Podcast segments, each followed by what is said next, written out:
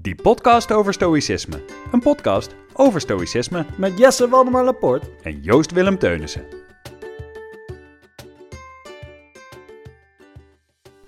En we zijn vertrokken. Hey. Daar zijn we weer. Goedenavond, middag, ochtend of nacht. Goeiedag. Hallo. Hallo. Fijn dat je er weer bent, Joost. Insgelijks. Hey, we hebben nu een heleboel thema's besproken. Of een heleboel eh, quotes behandeld, zouden we Ja. kunnen zeggen. Een heleboel eh, thema's en quotes behandeld eh, omtrent het stoïcisme. Precies. En ik denk dat we vandaag een behoorlijk kernachtig thema omtrent de Stoïcijnen gaan behandelen. Want we hebben het natuurlijk eh, gehad over tijd en over de dood en, eh, nou ja, en over alles wat er verder ter tafel kwam, Ja. om het even zo uit te spreken. Precies. Maar de quote of de pagina eigenlijk die ik voor vandaag heb voorbereid komt uit Daily, Stoic van eh, Ryan Holiday in samenwerking met Ryan Henselman. Of nee, eh, Steven Henselman. Steven Hanselman uit mijn hoofd dan. en eh, dit is de... Daily Stoic is een boek waar voor elke dag, voor elke datum een, een quote staat. En die wordt vervolgens toegelicht door deze schrijvers zelf. Is eigenlijk een beetje wat wij doen in podcastvorm, zeg ja, maar. precies. En ik wilde die van 13 januari even met je delen. Voordat je hem deelt, het idee van dat boek is dat je dus elke dag een nieuwe inzicht of een nieuwe wijsheid verwerft. Zoals Seneca dus al een keer in een quote gezegd heeft. Ja, eh, al verwerf je één nieuw ding per dag, inzicht, kennis, je ver- kennis, weet je, verhaal, doe één ding. ja. En daar is dit een product van eigenlijk. Ja, je kan in principe zeggen dat je je tijd goed besteedt als je elke dag iets nieuws leert of opdoet of Ja. inziet. En dit boek kan je daar inderdaad behoorlijk goed bij helpen. Goed, de pagina eh, is in dit geval dus 13 januari. En je kan het boek lezen zoals je wilt natuurlijk. Er staat voor Mhm. elke datum staat er dus één. Je kan aan het boek beginnen wanneer je wilt. Het is niet een, niet een soort scheurkalender of zo. En deze is dan toevallig van 13 januari. Ik lees zowel de quote voor, die van Epictetus is, als de toelichting die van nou ja, Ryan en Steven samen is. Ik weet niet precies Ja. wie wat heeft geschreven, dat staat er dan weer niet bij. Waar je macht over hebt. We hebben de macht over onze weloverwogen keuze en alle handelingen die daarvan afhangen. Waar we geen controle over hebben, is het lichaam en alle delen ervan. Onze bezittingen, ouders, broers, zussen, kinderen of land. Alles waarmee we ons misschien associëren. Aldus Epictetus in Dissertationes, in het Engels Discourses, eh, hoofdstuk 1, eh, paragraaf 22, regel 10, zoiets. En dan is als toelichting: Dit is belangrijk genoeg om nog eens te herhalen. Een wijs iemand weet wat er binnen zijn of haar macht ligt en wat er buiten. Het goede nieuws is dat het vrij gemakkelijk is om te onthouden wat in onze macht ligt. Volgens de Stoïcijnen omvat onze macht slechts één ding: onze geest. Dat klopt, want zelfs over je lichaam heb je niet geheel de controle. Je kunt bijvoorbeeld op elk moment een ziekte of ongemak hebben. Je kunt op reis zijn in een vreemd land en in de gevangenis worden gegooid. Maar dit is allemaal goed nieuws, want het vermindert drastisch de hoeveelheid dingen waarover je moet nadenken. Er is helderheid te vinden in eenvoud. Terwijl iedereen als een kip zonder kop rondloopt met een lijst vol verantwoordelijkheden die een, die een kilometer lang is, dingen waar ze niet echt verantwoordelijk voor zijn, heb jij slechts één ding op je lijst. Je hoeft slechts één ding te beheren: je keuzes, je wil, je geest. Dus beheer die goed. Aldus eh, Seneca en Ryan Holiday en eh Steven Hen- Henselman. Of het was Eh, Steven Hansman. Ja, of uh, Wilkinson, ik weet niet. Die man, eh, dit, die gaan we nog wel een keer eh, eer aandoen. Die zal ook vaker voorbij komen. En dit brengt ons denk ik gelijk eigenlijk bij, de, um, bij een ander citaat van Epictetus... die ooit zei, eigenlijk zijn er maar twee dingen. Namelijk de dingen die er zijn en die er niet zijn. Of wat is en wat niet is, Ja. zoiets. Ja. Dat is wel heel kort natuurlijk. En voordat we daarop verder gaan, eh, ik, ik denk natuurlijk dat daarin eigenlijk een soort de kern van het stoïcisme ligt. Um, maar zei jij meteen, eh, toen ik eh, dit met jou deelde, van dat dit waarschijnlijk terugging op de stoïcijnse tweedeling. Ja, ja de, de klassieke Stoïcijnse tweedeling. En ik geloof dat zowel jouw quote net als dat eerdere stukje dus uit Discourses komt van Mhm. Epictetus, waarin je daar uitgebreid op ingaat. Discourses is verhandelingen in het Nederlands. Oh ja. Dingen die hij behandelde. Waaronder die, eh, ja, die klassieke Stoïcijnse tweedeling, zoals die eigenlijk wordt genoemd. Eh, wel wordt die in heel veel dingen of in heel veel elementen in het leven, of ik zou willen zeggen zienswijzes en Mm. godsdiensten eh, genoemd. Heel soms hebben ze het zelfs over een stoïcijnse driedeling, kwam ik tegen. Maar Oeh. laten we daarop Oké, oké, oké. Laten we eerst die twee doen. Ja. En dan, dan ben ik benieuwd welke derde je het dan ingewikkeld. Ja, precies. Maar laten we eerst deze doen. Ja, en dat is dus alles waar je, zoals jij al zei, controle over hebt en geen controle over hebt. En dat wordt dan de dichotomie of de dichotomie van controle genoemd. Door onze grote vriend Epictetus. Epictetus. Ja, en dichotomie betekent eigenlijk een tweedeling in twee niet eh, overlappende gebieden. Dus dit is echt een splitsing in dit geval. En dat is eigenlijk wat hij bedoelt Ja. als we het hebben over controle. Namelijk, dit is een heel duidelijk zwart-wit af te bakenen veld. Dat waar je controle over hebt of geen controle over hebt. En ik geloof dat jouw derde veld eh, eentje is van Seneca of Marcus Aurelius... die eh, er iets meer nuance aan eh, toegevoegd heeft later. Dat, Mm. dat krijg je met werk wat uitkomt... waar mensen later nog eens overheen kijken en denken... Ah, hier valt een nuance te maken. Mm. Maar het mooie daaraan is, is dat hij een poging doet alle dingen die het leven zo ingewikkeld kunnen maken, even terug te brengen naar twee simpele dingen. En dat vind ik er heel soort van mindful aan. Het is voor mij meteen een soort meditatief statement bijna. Hoe Ja. werkt dat voor jou?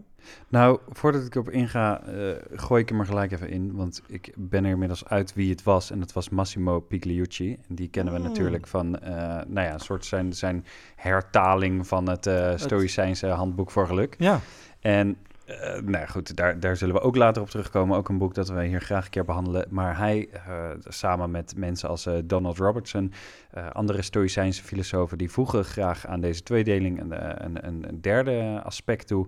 En dat is de zaken waar je gedeeltelijk controle over hebt. Ja. En als we dan even luisteren naar dat, dat citaat van net, of die pagina uit Daily Stoic, dan zou je kunnen zeggen, zij zeggen, want je lichaam heb je ook niet altijd controle over, dan zou dat, kan ik me voorstellen, onder gedeeltelijk vallen omdat je wel in zekere zin kan bepalen, ik rook niet, ik drink niet en ik sport veel. Dus in die zin kan ik bepalen dat ik eh, nee, geen, geen overgewicht heb of zo. En in Ja. die zin heb je controle over wat je doet met je lijf, wat je er wel in stopt, wat je er niet in stopt, et cetera.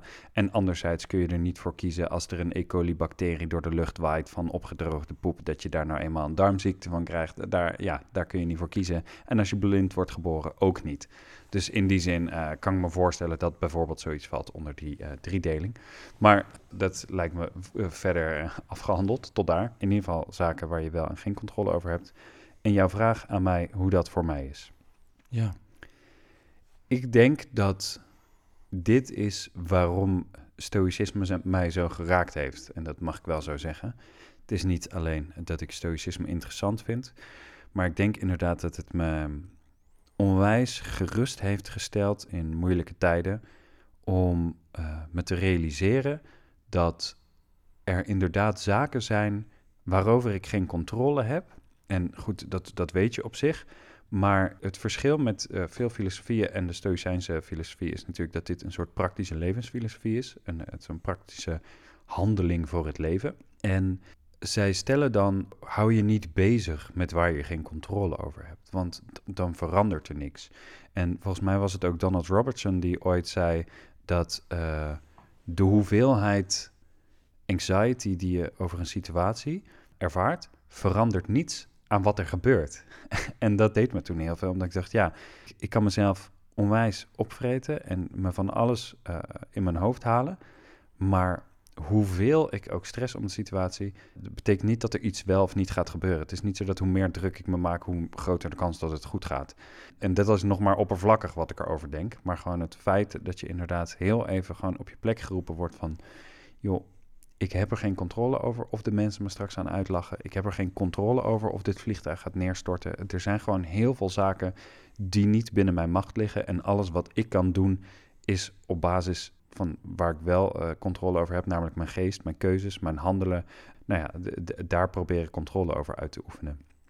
En dan denk ik wel gelijk dat dat kan leiden tot een heleboel angstige keuzes bijvoorbeeld. Als jij geen controle hebt over een vliegtuig dat neerstort, dan zou je dus kunnen kiezen om niet met het vliegtuig te gaan. Met dit verschil dat of jij wel of niet met het vliegtuig gaat, dat verandert op zich niet of dat vliegtuig neerstort. Maar als jij wel heel graag je tante in Amerika wil bezoeken en jij ziet dat als grote waarde, dan zou je in die zin los moeten laten of dat vliegtuig neerstort of niet, omdat je daar toch geen controle over hebt.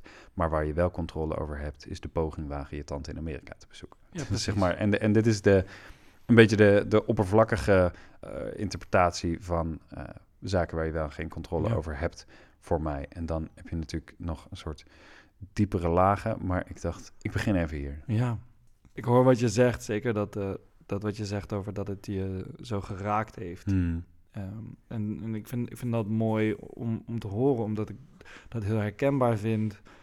Enerzijds was het een soort. Is het altijd moeilijk als mensen dingen pogen te versimpelen? En, Ja. en ik in mijn pijn kan denken, maar het is niet zo makkelijk hoor. Nee, nee, ja, want dat is het inderdaad ook. Van de Stoïcijnen neem ik het aan. Ja, En dat, dat komt door, door de context ook. Maar inderdaad, als, als ik midden in, mijn grootste paniek eh, zit of eh, geldzorgen. En jij zegt, ja, maar ja, daar kun je toch niks aan doen. Zeg ik, ga jij een eind weg. Ga je gouden. Ja, geef maar geld. ja precies. nee, ja, dat, dat is inderdaad zo. Ja, en op het moment dat je nou ja, ontvankelijk bent voor de boodschap, laat ik het zo zeggen. Dus Mm. hij komt een keer voorbij en hij komt bij je binnen. Dus stel je luistert dit en je hebt nog geen weerstand gevoeld tegenover deze quote, komt hij misschien lekker bij je binnen. En kun je hem accepteren. En dan vind ik het ook heel interessant wat je noemt over die angst van die persoon Mm. in jouw voorbeeld, die dan maar besluit om niet in dat vliegtuig te gaan zitten naar eh, nou, tante of wie dan ook. Ja. Dan heb je, zoals ze in eh, therapie ook wel eens eh, die tweedeling gebruiken in controle en ondercontrole, of bovencontrole en ondercontrole. Oké. En dan heb je de, de mensen die heel erg in ondercontrole zitten, zijn mensen die heel graag controle krampvastig, eh, zeg maar, Mhm. proberen te krijgen, maar dat niet kunnen. En mensen die bovenop zitten, die. of, of, of mensen die aan de andere kant heel lijzig zijn en alles maar aan zich voorbij laten gaan en Mhm. helemaal niks meer doen of zo. Dus je hebt een soort, daarin ook een soort spectrum in controle en hoeveel mensen eh, controle willen uitoefenen op bepaalde situaties en hoeveel ze dat doen. Ik weet niet precies hoe dat helemaal wordt uitgediept, want ik heb de therapie niet bijgewoond, maar ik heb daar wel over gehoord dat dat ook eh, in therapieën wordt behandeld. Ja. En, en dat is daarin soms gewoon, denk ik, heel makkelijk om te doen. Dus omdat je dus met mensen echt bezig bent met waar heb jij controle op en waar niet. En wat kun je daaraan doen. En dan niet meteen te zeggen, lekker loslaten met je bek. Maar vervolgens iets verder door te vragen, zo van, oké. Nee, want het gaat inderdaad in die zin niet zozeer om loslaten. Want Stoïcijnen beweren in die zin natuurlijk ook niet dat de eh, onfortuinlijke omstandigheden er niet zijn. Ze zeggen gewoon dat, eh, dat er gewoon heel veel omstandigheden zijn waar jij geen controle over Ja. hebt. Ze zeggen niet, eh, maak ze niet mee. Sterker nog, zij zeggen, als wij denken aan iemand die gelukkig en rustig is, denken we vaak aan een zenmonnik. Ja. Maar dat zijn niet de gelukkige mensen, want die zitten niet in het leven. Je gaat die echte innerlijke rust pas ervaren op het moment dat jij midden in een drukke stad woont en op dat moment kunt kiezen voor Ja. ik controleer mijn eigen keuzes en niet wat er gebeurt. En dan pas zul je echt een gevoel van vrijheid ervaren. Ja. En dat is natuurlijk waar we naartoe willen. En nou ja, wat jij net zegt, mocht je dit luisteren en nog geen weerstand hebben gevoeld, nou ja, dan zou je leven wel eens kunnen veranderen aan de hand Ja. van deze podcast. En dat is heel lastig. En ik wil ook op geen enkele manier pretenderen dat ik dit beheers. Maar het is wel prettig om inderdaad gewoon stukje bij beetje in je leven te bedenken. We hadden het een paar afleveringen geleden hadden we het over eh, achter in de rij staan. En dat een eh, mevrouwtje al de kleingeld komt wisselen. Zoiets. En dat het zeg maar jezelf opvreten in die rij maakt in de rij staan veel vervelender. Ja. Maar er verandert niks. Je staat nog steeds in de rij. precies. Met, met dit verschil dat je opgefokt bent. Ja. En dat is zo'n stukje eh, controle over de omstandigheden waar je geen controle over hebt. Loslaten, die dus wel loslaten. Maar de omstandigheden op zich niet. En op de- want een belangrijk verschil is natuurlijk, je hebt wel waarden en je hebt doelen. En dat doel wil je voor ogen houden. Daar hebben we het ook eerder over gehad. En je, eh, hou altijd je doel voor ogen, anders bereik je het nooit. Mm. En op het moment dat jouw doel is je tante in Amerika bereiken... of om een kraslot te kopen bij die kassa... of waarom je er ook bent... dan zul je de omstandigheden die je onderweg tegenkomt, zul je voor lief moeten nemen als je er geen controle over hebt. En als het nou zo is dat er een andere kassa open gaat, kun je natuurlijk kiezen voor uh, tijd besparen door naar die andere kassa te gaan. Maar jij kan niks kiezen over wat die vrouw doet. Jij kan niet kiezen hoeveel kassa's er open zijn. Je kan heel veel niet. En je begon net over die therapie en dat bracht me bij een dingetje dat ik vroeger heb geleerd. En dat heet experientiële vermijding. Wat een, uh, een, een maf fenomeen is. Ja. Maar zoals Wikipedia dat omschrijft, uh, er staat: experientiële vermijding is het trachten te vermijden, controleren of veranderen van bepaalde innerlijke ervaringen. Wanneer mensen bepaalde belevingen niet willen ervaren, kunnen ze allerlei strategieën ontwikkelen om deze te vermijden. Dit noemt men experientiële vermijdings- of controlestrategieën. En dat wil dus zoveel zeggen dat op het moment dat jij bang bent voor het gevoel dat je krijgt op het als je te lang in een rij staat, dan ga jij dus die supermarkt vermijden, terwijl die supermarkt niks met jouw gevoel te maken Mm. heeft. En dan wordt je probleem dus alleen maar groter en je cirkel steeds kleiner. Ja. En dat is precies wat je volgens de Stoïcijnen niet zou moeten doen, Nee. want dat zijn allemaal dingen waarover je geen controle hebt. Sterker nog, dat gevoel heb je niet eens echt controle over, maar je hebt wel een keuze hoe je reageert op dat gevoel. Ja. En ook hoe jij, want dat is misschien wel het allermoeilijkste van de Stoïcijnen, hoe je de situatie beoordeelt. ja, precies. Ja, en wat je kan doen. Ja. Eh, Epictetus noemde het de, de geest waar je controle over hebt. Hmm. En ehm, Seneca zei eh, de deugdzaamheid. ja. eh, ten opzichte van fortuna. Ja. En Marcus Aurelius, die zei daar dan weer over, die zei, of nee, dat was ook Seneca, denk ik, die zei dat als ons oordelingsvermogen goed is, dan is zo'n situatie minder slecht. Dus op het moment dat wij lang in de rij staan niet als kwalijk zien, of een vliegtuig dat neer kan storten, als wij zeggen, ja, maar dan ga ik dood, en wij zien dat als iets slechts, Ja. ja, dan is neerstort slecht. En volgens mij zouden ze het in minder, meer of mindere mate allebei gezegd hebben. Ja, Het- waarschijnlijk. Het amor fati ja, ja. eh, gedeelte. Het zijn natuurlijk altijd onze gedachten over iets die iets kwalijk maken. Ja. Want op het moment dat wij, nou ja, stel eh, je staat in die rij achter die vrouw en je zegt, oh, zij is heel traag. Ja. Dan zeg je dat geïrriteerd. Jazeker. Maar er is niks verkeerd aan een traag vrouw. Nee, dat, nee. dat is gewoon een omstandigheid waar jij geen controle over Ja. hebt. Ja, nou sterker nog, ik zou het iets specifieker willen maken. Ik hoor je zeggen gedachten, maar Hmm. ik denk het is, het is echt een oordeel ook over de Ja, situatie, ja. lijkt het. Je zou nog kunnen constateren dat de vrouw niet snel is. Ja, dat is eigenlijk, eh, hoe zeg je dat? Neutraal. Dat is iets neutraler. Ja. Ja, Nee, maar dat is ook neutraal. Een, Dit- een niet snelle vrouw precies. is niet goed of slecht. Ja, nee, precies. E- En op het moment dat daar een oordeel in, in, in komt, Ja. dan wordt het, ze is traag. En, ik, ja. En dat is erg. en dat is erg. Ja. ja. Ja, en dan is ons oordeel over de situatie dus niet oké. Ja, en dan komt frustratie. Ja. Als je in de trein zit en je bent bang voor een hartaanval, dan is dat natuurlijk hartstikke vervelend. Ja. Bedoel, ja, dat is vast niet leuk om te krijgen. Maar jouw oordeel is dan dat het slecht is. Of jouw oordeel is misschien, eh, doodgaan is slecht. Of ja. ik ben dan niet op tijd. En dan, ja dan of is ik jouw... moet dat niet hier doen. Ja, precies. En jouw oordeel over de situatie bepaalt dan dat het vervelend is. Maar op het moment dat jij realiseert dat je daar niks aan gaat kunnen doen, want als je in die trein zit en die hartaanval gaat wel of niet komen, Ja. zeg maar, ja, daar ga je niks aan veranderen. Je kan niet een appel eten en dat die niet komt. Ja. Dan wordt die situatie opeens heel anders. Want Ja. dan is het, ja, oké, daar kan ik niks aan doen.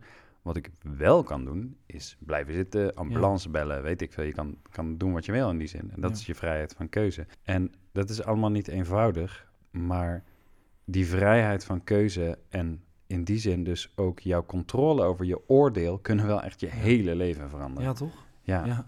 Ik merk ook dat als ik momenten ervaar waarop ik eerder in eh, paniek zou raken, ik nu probeer om rustig te blijven en ook om mijn ademhaling te controleren. ja. Want ik merk dat op het moment dat je je Die kun je ook ademhaling controleren. kunt controleren, ja, ja. dat wat je wel onder controle hebt, dat dat een heel groot invloed heeft op de snelheid van mijn gedachten. Mhm. En daarmee dus ook over een soort nou ja, sneltrein waar ik in mijn hoofd al in zit. Laat Ja. staan in de trein waar ik zit. En dat dat dus helpt.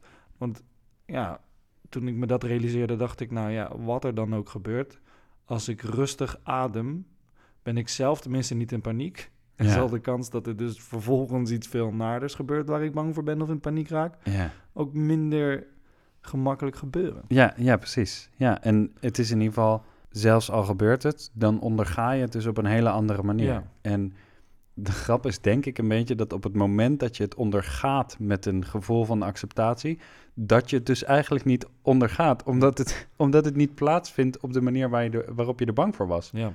Want op het moment dat jij niet lijdt onder de situatie, maar de situatie vindt plaats, is er dus niks. Dan is er gewoon de situatie. dan is er is alleen gewoon. maar nu. Ja. Ja. en volgens mij was het wel Marcus Aurelius die zei dat als je wenst dat alles gebeurt zoals het moet gebeuren, zal altijd alles gaan zoals je wilt dat het gaat. Ja. Dat, is, dat is een soort heel maffe, bijna contradictionele zin natuurlijk. Ja. Maar het is heel prettig om te bedenken dat omdat jij toch niks kan doen aan de situatie zoals die is en Ja. niks kan doen aan je lijf in beperkte mate dan en niks kan doen in welk gezin je wordt Ja. geboren, is het blijkbaar zoals het moet zijn. Of Ja. in ieder geval, het is nou eenmaal zoals het is. En je kan het maar beter zo wensen, Ja. want anders is het toch niet. Ja, en dat is echt, en ik denk een van de mooiste quotes, maar het is ook meteen een soort oefening en een soort spier die daaraan gebonden zit. Ik heb Ja. daar een heel sterk het gevoel alsof dat een soort vaardigheid is die we, die we moeten ontwikkelen.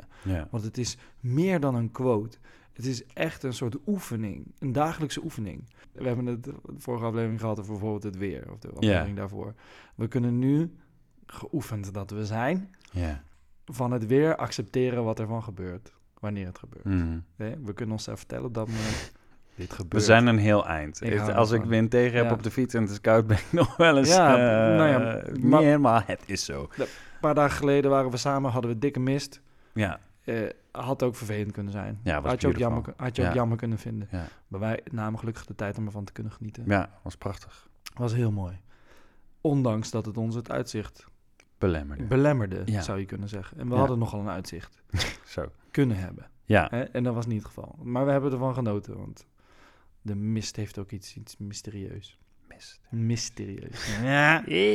Maar zet er maar eens een stapje verder in heftige ge- ge- gebeurtenissen op dagelijkse basis. Nou, niet per se dagelijkse basis, maar er overkomt je iets. Nou, de grap is inderdaad dat wij op dat moment niet hebben eh, uitgesproken, of waarschijnlijk zelfs gedacht, was die mist er maar niet. Mm. We hebben het gewoon aangenomen als het weer. Ja. Een soort, het is vandaag mistig, Ja, einde. Zeg maar, daar konden we niks aan doen en we vonden dat niet erg. En we hebben geen enkel moment gezegd, oh, ik wil dat het zonnig is. Zeg maar, dat hebben we gewoon geaccepteerd als het weer. Zoals je Ja. dat vaak ook op een lentedag doet, je accepteert hem. Maar inderdaad, wat je zegt, we deden niks. Ja. Het was er.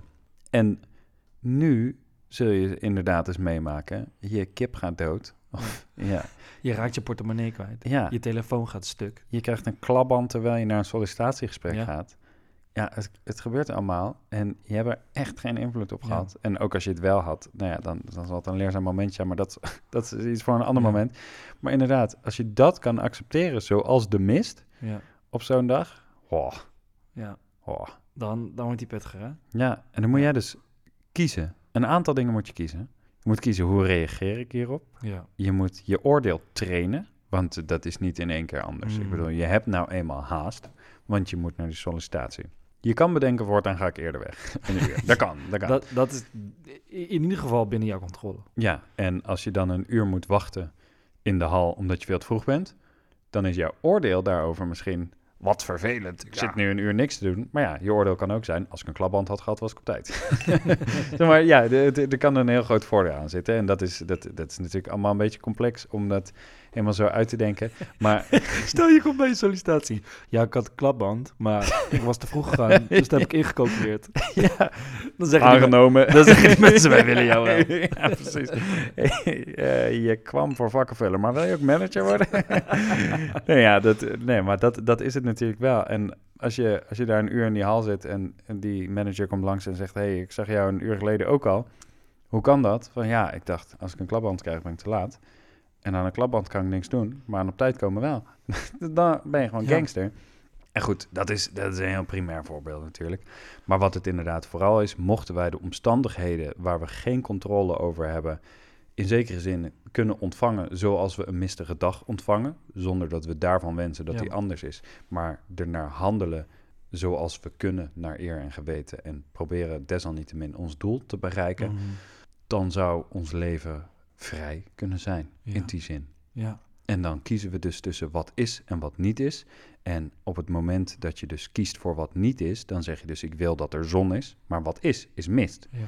En als je in de trein zit en je bent bang voor een hartaanval, dan ben je dus bezig met iets dat zich afspeelt in jouw verbeelding, terwijl die er dus niet is. ja, En wat wel is, is jij in de trein en je angst en je oordeel over die situatie. precies. En daarover heb jij controle. Ja, mooi gezegd. Waar je net naartoe leunde was alweer een heel ander aspect van stoïcisme. klopt, klopt. En je voelde hem ook al aankomen. Ja, ik, Maar daar, daar, daar moeten we misschien later meer Hinkte over er praten. Ja, je hintte Ja, er even ja. op. Maar eh, die, laten we die nog even lekker eh, hangen in de lucht. Ja. Daar waar het nog niet bestaat. Alleen in onze hoofden. We suffer more het from imagination than in reality, toch? Ja. Ja, dat we meer lijden vanuit voorstellingsvermogen dan uit de vanuit de realiteit. Ja. Bijna alle problemen zitten tussen onze oren. Ja. Eigenlijk alle problemen, want Ja. wij maken ze problemen. Oh ja, zeker. Maar het vergt echt flinke vaardigheden Ja. om te ontvangen wat het is voor wat het is. Als het Als al niet je- onmogelijk is. Als het dan niet onmogelijk is, als je moeder kanker krijgt. Ja, nou ja, en Ontvang dat maar eens zoals het is. Nou ja, nee, ja maar wat, wat, wat Stoïcijnen natuurlijk wel zeggen, zij zeggen niet, schakel je emoties uit. Nee. Zij zeggen, heb verdriet, rouw om de mensen die zijn Ja, ja. overleden, ervaar pijn. Dat, dat is allemaal oké. Dat moeten we trouwens vaker zeggen, denk ik. Want we moeten voorkomen dat mensen denken dat Oh, Stoïcijns klopt zoals het in de Nederlandse taal wordt gebruikt. Ja, dat wij hier als Noorse standbeelden zitten. Ja, precies. Want als je moeder kanker krijgt, dat gebeurt, dan is het natuurlijk geheel oké, ook volgens de Stoïcijnen, om daarop te reageren met verdriet. Maar op het moment dat jij inderdaad een gipsen wand doorslaat en zegt: Ik wil dat het niet zo is, Mm. dan zullen zij daarover zeggen: Ja, maar dit heeft niks veranderd aan de situatie. Met Nee. dit verschil dat de muur en je hand kapot zijn. Ja. En nou ja, wat je ook had kunnen doen, is alleen huilen van verdriet en naar je moeder gaan met borstbloemen. Weet ik veel. Eh iets in die trant. ja. En daar heb je controle over zonder dat ze willen ontkennen dat je gevoel, hoe zeg je dat? Valide is. Ja. Ja. Ja, je, je gevoel zeker wel. Maar de razernij heeft daarin geen betekenis. Nee, nee. Of geen, eh, weinig functie. Ja, Het maar lucht, die, maar die lucht je misschien op. Ja, maar die, ja, die- ja, kun je... je muurstuk. Ja, nou ja, maar die kun je natuurlijk op zich ook nog accepteren, denk ik. Ik bedoel, op zich kun je boos zijn dat je denkt... verrek, ik heb ook al geen vader meer. Of verrek, ik Ja. wil nog zoveel met haar doen. Of Ja. weet ik veel. Eh, die, die, die woorden, weet je, ik zou het je niet kwalijk nemen. Ik- en ik denk niemand. En ik denk dat je dat zelf ook niet hoeft te doen. Maar ik denk wel dat je dan inderdaad ook die weer gewoon zonder een soort oordeel kan proberen te ontvangen. Een soort, oké, ik ben boos, want het voelt zo en zo. Want het voelt niet eerlijk. Wat doe ik? Ja. Wat, wat doe ik vervolgens, wat eh, wel en niet in mijn controle ligt, zeg maar. Ja, dat, en dat is een hele goeie. Alleen ik, ik denk dat het echt training is, merk ik. Ja, ik ga het ook Die nooit iemand vertellen. Die stapjes. Ik ga nooit iemand wiens moeder kanker krijgt zeggen, ja, maar kun je niks aan doen. Ja. het, eh, never. Ik geloof wel dat de, een van de filosofieleraren van Marcus Aurelius hem bij de dood van zijn moeder geruststelde met een soort gelijke boodschap. Oh ja. Zoiets werd over verteld in, de, in het boek over de jeugd van eh, Marcus Aurelius. Ik denk dat als je het heel goed kan verwoorden, dat dat ook oké is. Ja, Kijk, ik vind, het, ik vind dat wel mooi als mensen zeggen dat eh, de dood bij het leven hoort, bijvoorbeeld. Ja. Dat, dat vind ik een mooi iets. En ik vind het ook heel gek eigenlijk dat we zo moeilijk met de dood kunnen omgaan, terwijl er is maar één ding dat we zeker weten en dat is dat je doodgaat. zeg maar, Ja. iedereen gaat dood. Absoluut. En dat we daar toch zo moeilijk mee dealen, vind ik ook fascinerend. ja. we Blijkbaar. leven alsof we dat willen vermijden. eigenlijk, Ja, ja, altijd. En Ja. dat, is, dat is natuurlijk heel maf. Maar daarom alleen al is die, zou die acceptatie natuurlijk Ja. op zich mooi zijn van de omstandigheden. En daar, als we ergens geen controle Ja. hebben, is het daarover. Ja, ik weet nog dat eh, René Gudde, eh, voormalig denker des vaderlands, in, Mhm. eh, in een boek zei...